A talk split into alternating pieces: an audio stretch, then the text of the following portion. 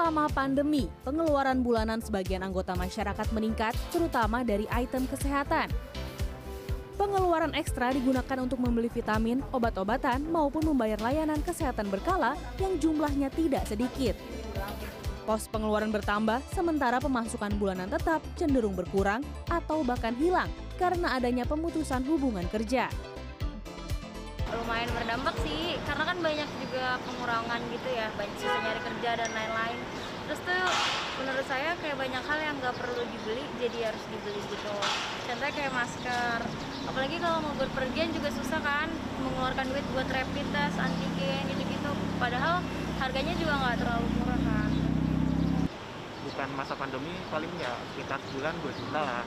Tapi kalau sekarang bisa sampai 3 juta tiga setengah biasanya pengeluaran tuh paling banyak buat masker buat swab antigen juga gitu sih Bagi terpapar COVID-19, penambahan lebih terasa lagi. Seperti yang dialami Harya Bima, karyawan swasta asal Bantul, Yogyakarta.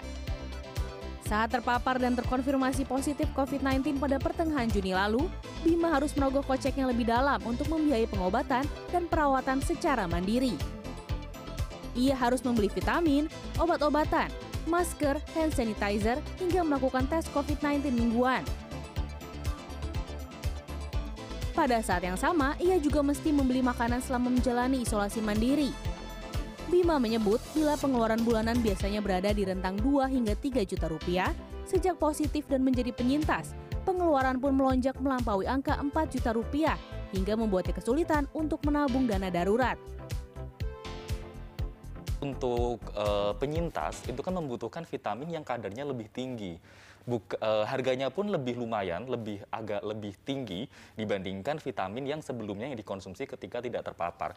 Ada tuntutan masker dua lapis, kemudian juga hand sanitizer, hand sanitizer tetap gitu kan. Kemudian juga perintilan lain tuh kayak makanan-makanan.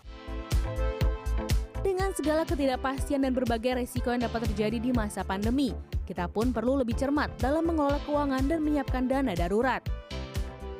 Perencana keuangan Safir Senduk menyebut, mengatur keuangan merupakan bagian dari mengendalikan gaya hidup dan kebiasaan, sehingga kita dapat memaksimalkan keuangan agar tepat sasaran.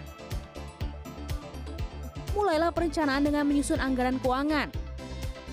Selanjutnya, buat skala prioritas dengan contoh persentase kebutuhan pokok biaya hidup sebesar 50% dari pemasukan.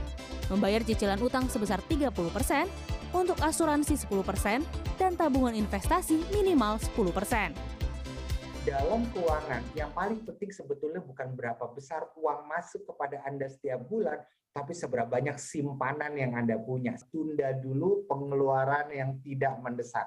Ya, Uh, kalau kalau pengeluaran itu penting gimana? Pengeluaran penting itu ada dua, ada yang mendesak, ada yang tidak mendesak. Kalau dia bisa ditunda satu, dua, tiga bulan dan tidak ada apa-apa dengan hidup kita dengan kita menunda itu, saya pikir berarti dia belum mendesak, tidak usah beli sekarang. Nah, fokus kita adalah untuk bisa mempertahankan uang tunai selama mungkin. Pandemi dengan pengeluaran yang besar dan kerap tidak terkontrol membuat kita harus cermat dan dapat mengendalikan diri agar tidak membeli barang yang bukan merupakan kebutuhan utama.